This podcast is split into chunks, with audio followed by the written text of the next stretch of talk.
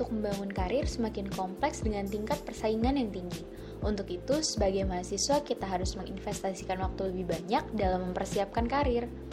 Sisi Editalk membahas berbagai topik yang akan membantumu untuk mempersiapkan karir bersama narasumber yang berkompeten di bidangnya.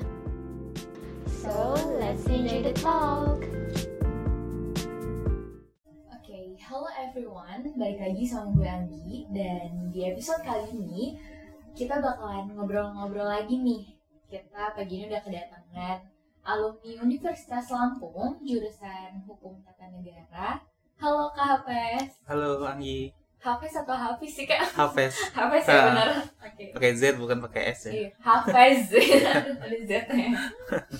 Oke, uh, bisa diceritain gak nih Kak waktu Kakak jadi mahasiswa itu termasuk mahasiswa yang kayak gimana sih?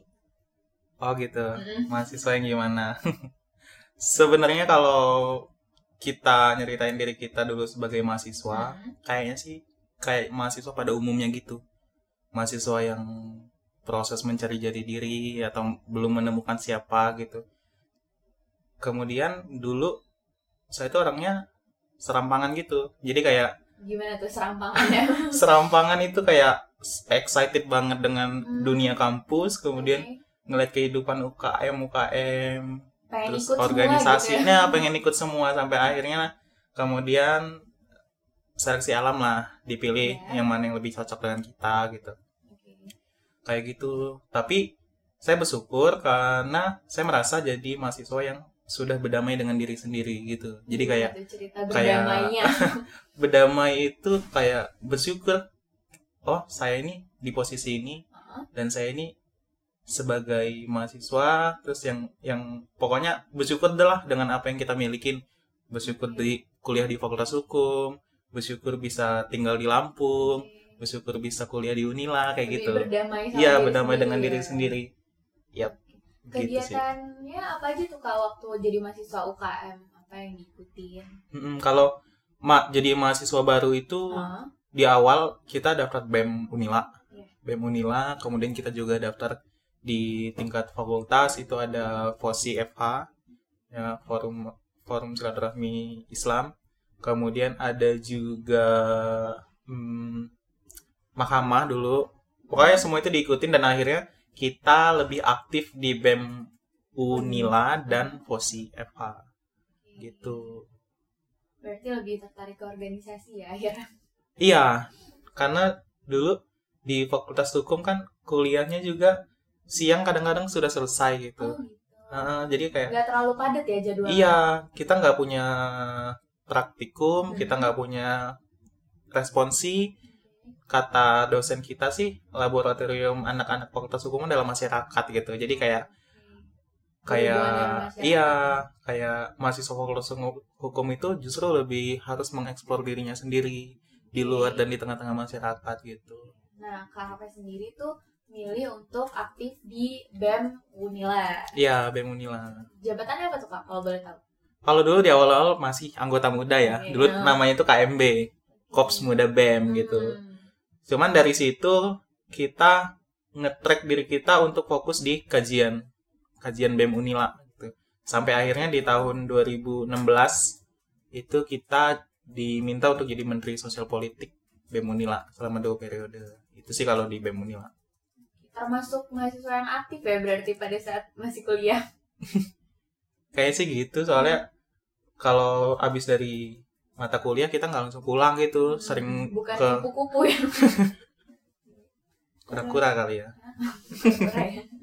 kuliah rapat kuliah rapat ya. iya benar terus uh, abis perjalanan waktu kuliah nih setelah lulus tuh KFS lulus tahun? 2018 2018 setelah itu kegiatan apa aja sih yang udah kakak lakuin setelah lulus? Nah, kita kan aktif di BEM Unila ya. Hmm. Kemudian kita juga aktif di salah satu UKM di Fakultas Hukum FOSI. Kemudian karena kita nggak nggak punya kamu apa kayak organisasi di luar kampus, jadi kayak mikir gitu sih, oh BEM kan lembaga politik ya gitu, kita nggak bisa selamanya di sini gitu. Kita punya masa waktu, akhirnya waktu sebelum lulus itu kita buat komunitas ruang sosial supaya itu sebagai wadah aktualisasi kita setelah kita meninggalkan kehidupan pasca kampus gitu. Jadi kayak kita udah nge-treat nih komunitas ruang sosial untuk wadah kita beraktualisasi di bidang sosial setelah kehidupan kita di organisasi kampus gitu. Nah, pertama artinya aktivitas kita setelah kuliah adalah di komunitas ruang sosial gitu. Nah, yang kedua memang sebelum lulus kita udah nge konsep bisnis yang mau kita jalanin gitu. Sampai bisnis. akhirnya, sampai akhirnya alhamdulillah berjalan bisnis itu sampai sekarang gitu. Bisnisnya apa tuh kak? namanya kopiorisasi gitu. Itu uh, bisnis minuman gitu ya? iya beverage gitu. Minuman sedikit kekinian. Udah banyak juga ya kak di fakultas-fakultas di Unila. iya Aku lihat juga ada di ITERA juga ada ya. iya Hmm. karena market kita adalah kampus kampus Oke. dan sekolah-sekolah menengah atas gitu karena memang minumannya kita desain untuk cocok dengan mereka gitu sih Berarti fokus minum uh, fokus penjualannya itu lebih ke mahasiswa. Iya, sempet juga sih abis pas kuliah Hmm. tuh kayak coba nyoba jadi kerja deh, mem- memanfaatkan CV kita gitu, Ah. CV kita.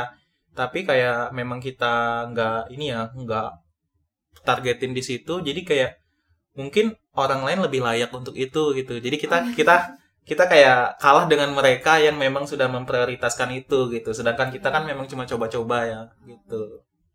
Berarti uh, Kak Hafiz sendiri memang lebih nyaman dengan uh, aktif di ruang sosial sembari melakukan bisnis Iya. minuman tadi. Iya, benar. Nah, kalau dari keuntungannya sendiri nih, dari es kopior yang dijual itu keuntungannya ke mana kak? itu kalau karena itu bisnis punya kita sendiri ya Mhm. jadi kayak bisnis itu ya untuk kita tapi kalau diomongin lari ke mana selama ini sih keuntungan itu lebih ke untuk ngembangin bisnis itu dan yang kedua sih ya infak-infak kita sendiri lah infak pribadi Berarti dalam aspek finansial tuh Hafiz merasa cukup. belum belum kayak gimana ya kita juga kayak kalau orang ngomongin di kita udah secara finansial udah mapan sebenarnya enggak juga. Hmm. karena kita sekarang kalau kita lagi proses mendaki kita itu belum sampai atas banget. Bahkan kita belum sampai ke tengah. Dan itu ngebuat kita kayak semangat gitu. Kalau oh puncaknya kelihatan tapi kita belum sampai sana. Tapi em, udah se udah semenarik itu gitu loh kalau kan beda ya kalau kita selalu percaya kerja itu nyaman, usaha itu tumbuh gitu. Jadi kayak menyaksikan usaha kita itu tumbuh itu bagian salah satu bagian yang paling menarik dalam berwirausaha. Berwirausaha.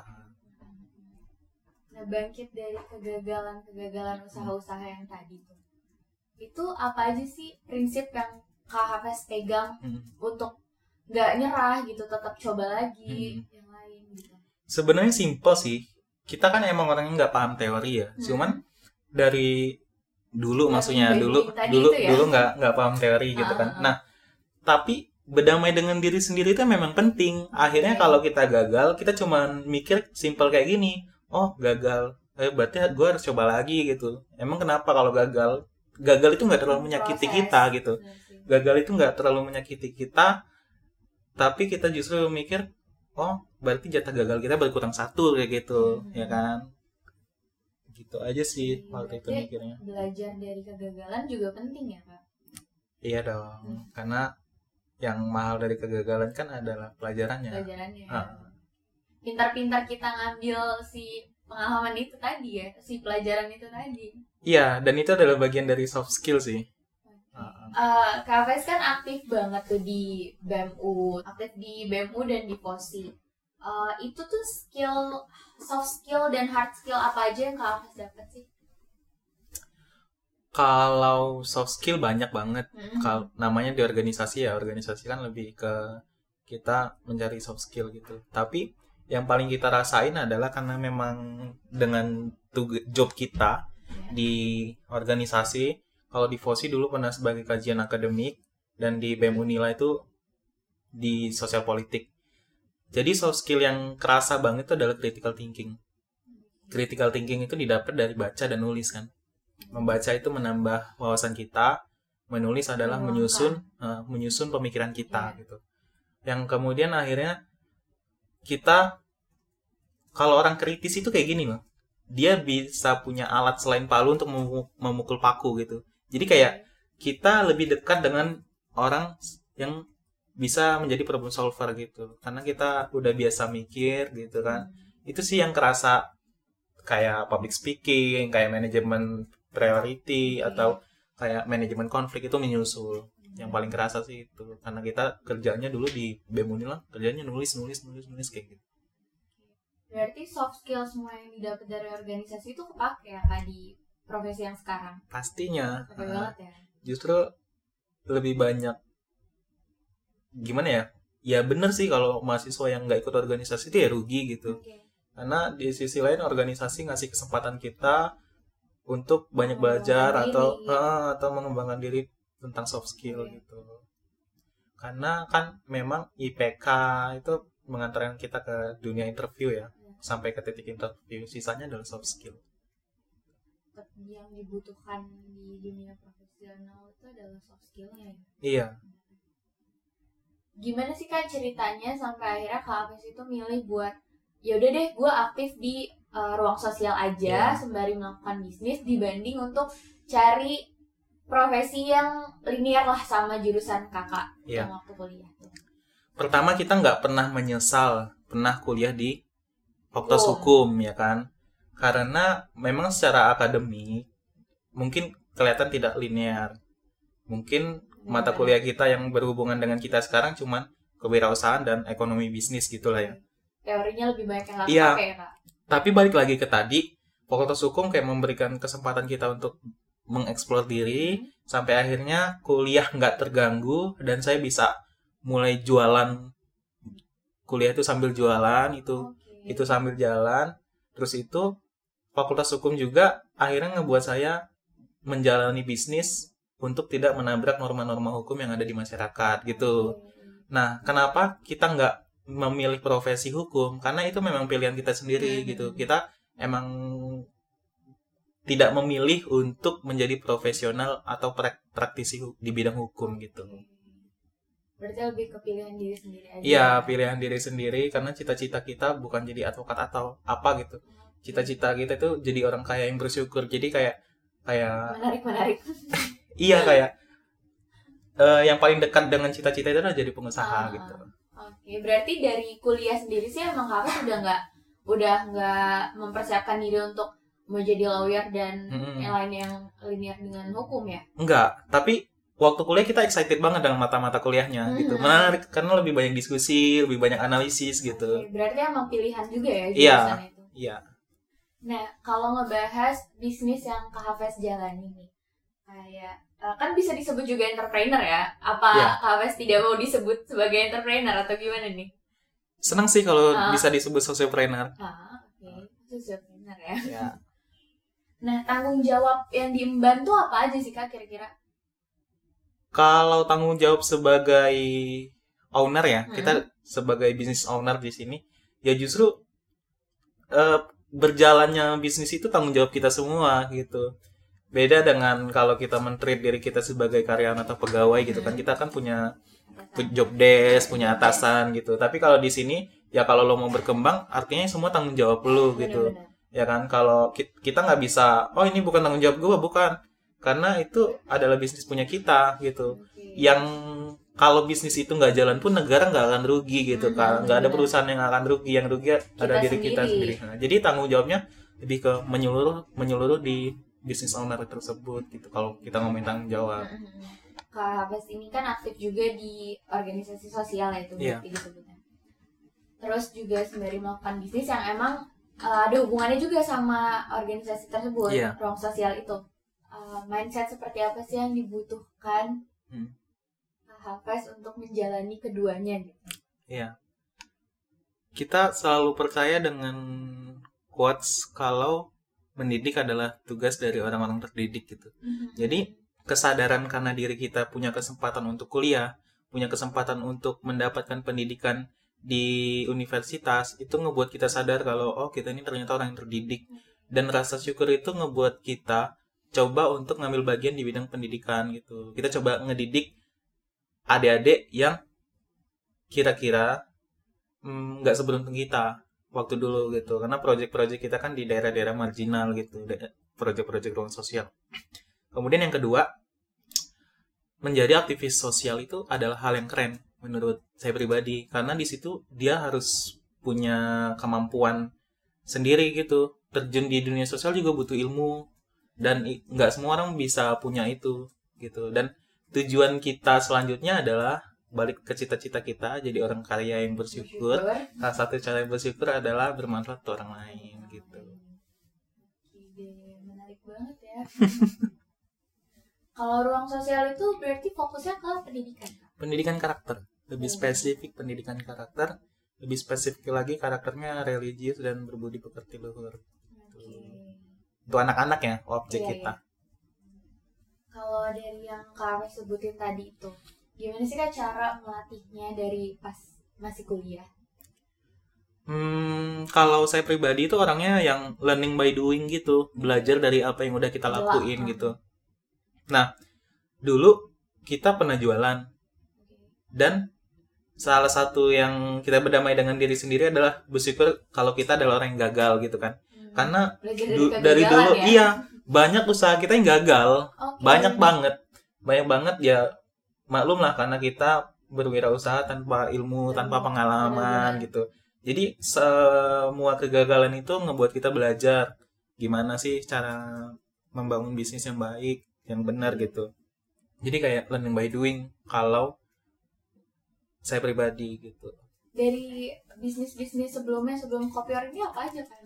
Banyak sih kayak bisnis-bisnis yang mungkin dijalanin teman-teman mahasiswa sekarang itu udah udah pernah kita lakuin semua kayak Tapi lebih fokus tetap ke makanan dan minuman atau gimana? Hmm, ada bisnis di luar itu kayak jualan baju bola pernah, Oke. jualan pulsa juga pernah gitu. Kemudian joki tugas teman juga pernah gitu. Eh joki Jasa tugas tugas teman itu Jasa tugas. bagian dari wirausaha. boleh deh boleh. Nah, Karena sekarang juga emang udah banyak ya oh kak. gitu ya. Iyalah, supply and demand kan, permintaan dan kesediaan. Oke Gitu. oke. Nah untuk ke depannya nih emang kak Ames akan terus fokus di sini atau pengen cari kerjaan yang lain? Kita sih orangnya dinamis, kayak open minded dengan banyak hal gitu ya. Jadi kita nggak nggak ngefixin diri kita di sini. Cuman kalau kita nggak punya ini sih nggak punya alasan untuk meninggalkan aktivitas ini gitu. Tapi ada rencana sih punya tempat pengabdian yang itu kita pengen ngabdiin ilmu kita di sebuah institusi negara gitu. Berarti yang rencana. organisasi itu tetap dikembangin terus ya kak? Iya, Kalau dari profesi kakak yang sekarang sebagai sosiopreneur itu peluang profesi ke depannya tuh gimana sih kak? Kalau kita ngomongin dunia sosial itu banyak banget ya. Mhm. ini ya lingkupnya ya dan nggak kayak kalau lo gerak karena masalah nggak ada alasan untuk lo nggak gerak gitu soalnya masalah itu banyak banget Mhm. dan lo bisa ambil itu untuk pengabdian lo gitu nah kalau sosiopreneur kayak entrepreneur sih Iya. kayak namanya jualan ya masalah juga bisa dijadiin potensi. Jadi kalau potensi itu ter- terbuka luas gitu. Cuman masalahnya sekarang adalah mindset teman-teman mahasiswa itu kuliah untuk mendapatkan pekerjaan gitu. Buka banyak. Benar-benar. ini kita nggak nyalahin sih ya karena Iya. memang track yang dibangun ke sana gitu. Cuman kita lebih banyak berharap mahasiswa banyak yang berani- berani untuk sosial. menjadi entrepreneur gitu Oke, entrepreneur entrepreneur, dan khususnya entrepreneur. punya gerakan di bidang sosial Oke. gitu Kalau misalnya uh, untuk teman-teman mahasiswa nih kak, gambaran tantangan karir yang sebenarnya ada di lapangan itu gimana sih kak yang udah Kafes laluin? Mm-mm. kalau saya pribadi ya kayak kan pernah juga nyoba ngelamar kerjaan Iya, benar. gitu Iya tadi. Ha, jadi emang kalau kita ngomongin jumlah pekerjaan yang tersedia dan lapangan dan apa sarjana yang ada gitu emang maksudnya apa sih? Gap banget kan ya? Gapnya jauh banget. Jadi kalau lu memang nge-track diri lu sebagai karyawan di Iya. perusahaan besar atau pegawai negeri sipil gitu ya lu harus siap bersaing dengan orang-orang yang ada di sana karena banyak banget orang yang nge-track diri dia untuk itu dan kalau lu nggak serius lu nggak lu bakal kalah Allah itu kan ngelihat siapa yang Iya, berusaha ya lebih kan banyak persiapannya Iya, persiapan. Coba uh, find yourself dari sekarang Hmm. gitu. Lo itu sebagai apa dan lo mau ke mana gitu. Punya dan apa. basic lo itu apa Benar-benar. gitu. Nah di Lampung juga banyak mahasiswa yang nggak tahu mau ke mana gitu kan. Kalau kita ngomongin tujuan kayak nggak tahu goals lah. iya iya Jadi kayak kuliah itu cuma kuliah-kuliah aja. Hmm, kayak kita dulu serampangan gitu, Iya. ya kan? kuliah asal kuliah ya Iya, sekuliah terus asal datang ke kampus udah tapi nggak tahu loh kita itu berkembang atau enggak kita ini Minim mendekati rasa dengan goals kita ya. atau enggak ya kayak gitu sih usaha yang Kak jalanin di bisnis yang Kak Hafiz jalanin Hmm. itu ancamannya apa aja tuh Kak? kalau ancaman kita kita ngomongin masalah ini ya masalah di internal bisnis Mhm. saya sendiri ya Iya. itu contohnya pertama itu bisnis kita bergerak di bidang keinginan gitu kan otomatis orang nggak butuh dong ya kan orang beli karena dia pengen bukan Iya. karena dia butuh Iya benar. jadi nggak selamanya orang itu bakal beli Iya. pertama inovasi yang harus kita lakuin Oke. dan yang kedua memang kayak em, untuk memanage semua bisnis itu supaya konsisten kita butuh SDM gitu ketiga ancaman di bisnis kita itu kayak gimana ya Em, contohnya kayak gini nih kita nggak siap dengan pandemi gitu ya Hmm. tiba-tiba pandemi Iya. datang dan kita otomatis harus nge-hold bisnis kita gitu Benar. jadi ketiga ancaman yang yang ada di kita itu kita nggak tahu apa gitu. Iya. Jadi kita harus siap dengan diprediksi. iya, kita harus siap dengan segala hal yang ada gitu. Ya, Jadi pas uh, COVID kayak gini penjualannya gimana tuh Kak? Kita kita hold, Hmm. benar-benar kita hold dan nggak kita ini karena marketnya bergeser ya sekarang ya kan orang-orang pada di rumah, kampus Iya, pada iya. libur, Uh-uh. sekolah pada libur. Karena targetnya emang mahasiswa Iya. juga ya. Tapi kemarin di bulan puasa kita sempat buka, sempat Hmm. buka karena kan orang banyak cari takjil gitu. Iya iya. Jadi ngeliat potensi-potensi itu aja sih. Berarti uh, tetap harus butuh adanya inovasi. Harga mati. harga mati ya tetap Ah. harus tetap berkembang namanya Iya. usaha itu ya kak tapi tetap harus fok- eh, tetap fokus ke usaha minuman aja kak? Hmm, iya, untuk sekarang? Iya untuk sekarang minuman. Dimasukin ke Gojek nggak tuh kak? Ada. Ada. Tersedia di GoFood. yang mau order bisa ada di GoFood esnya. Es apa tuh kak namanya di GoFood kopierisasi. Kopiorisasi, oke.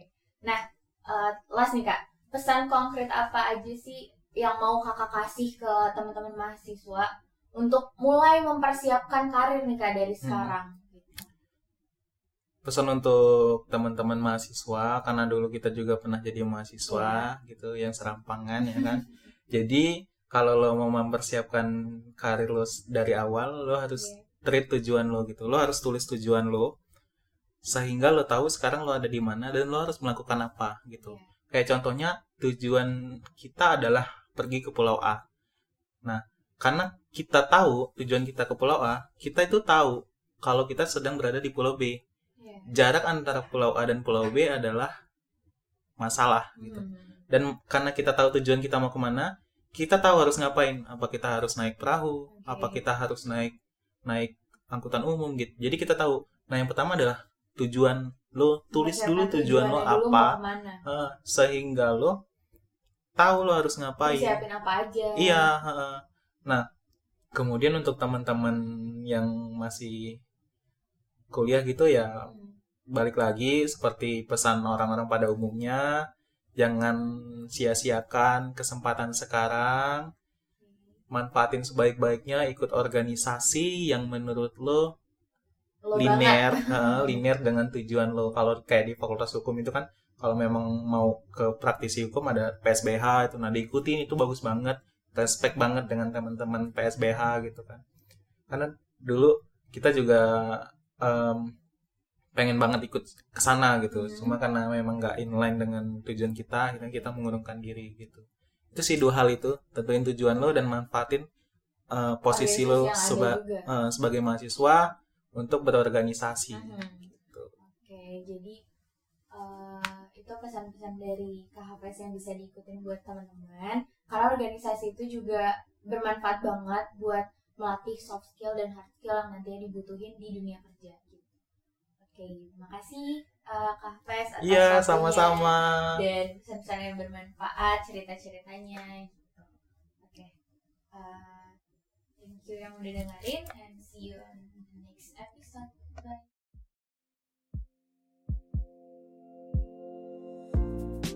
Gimana?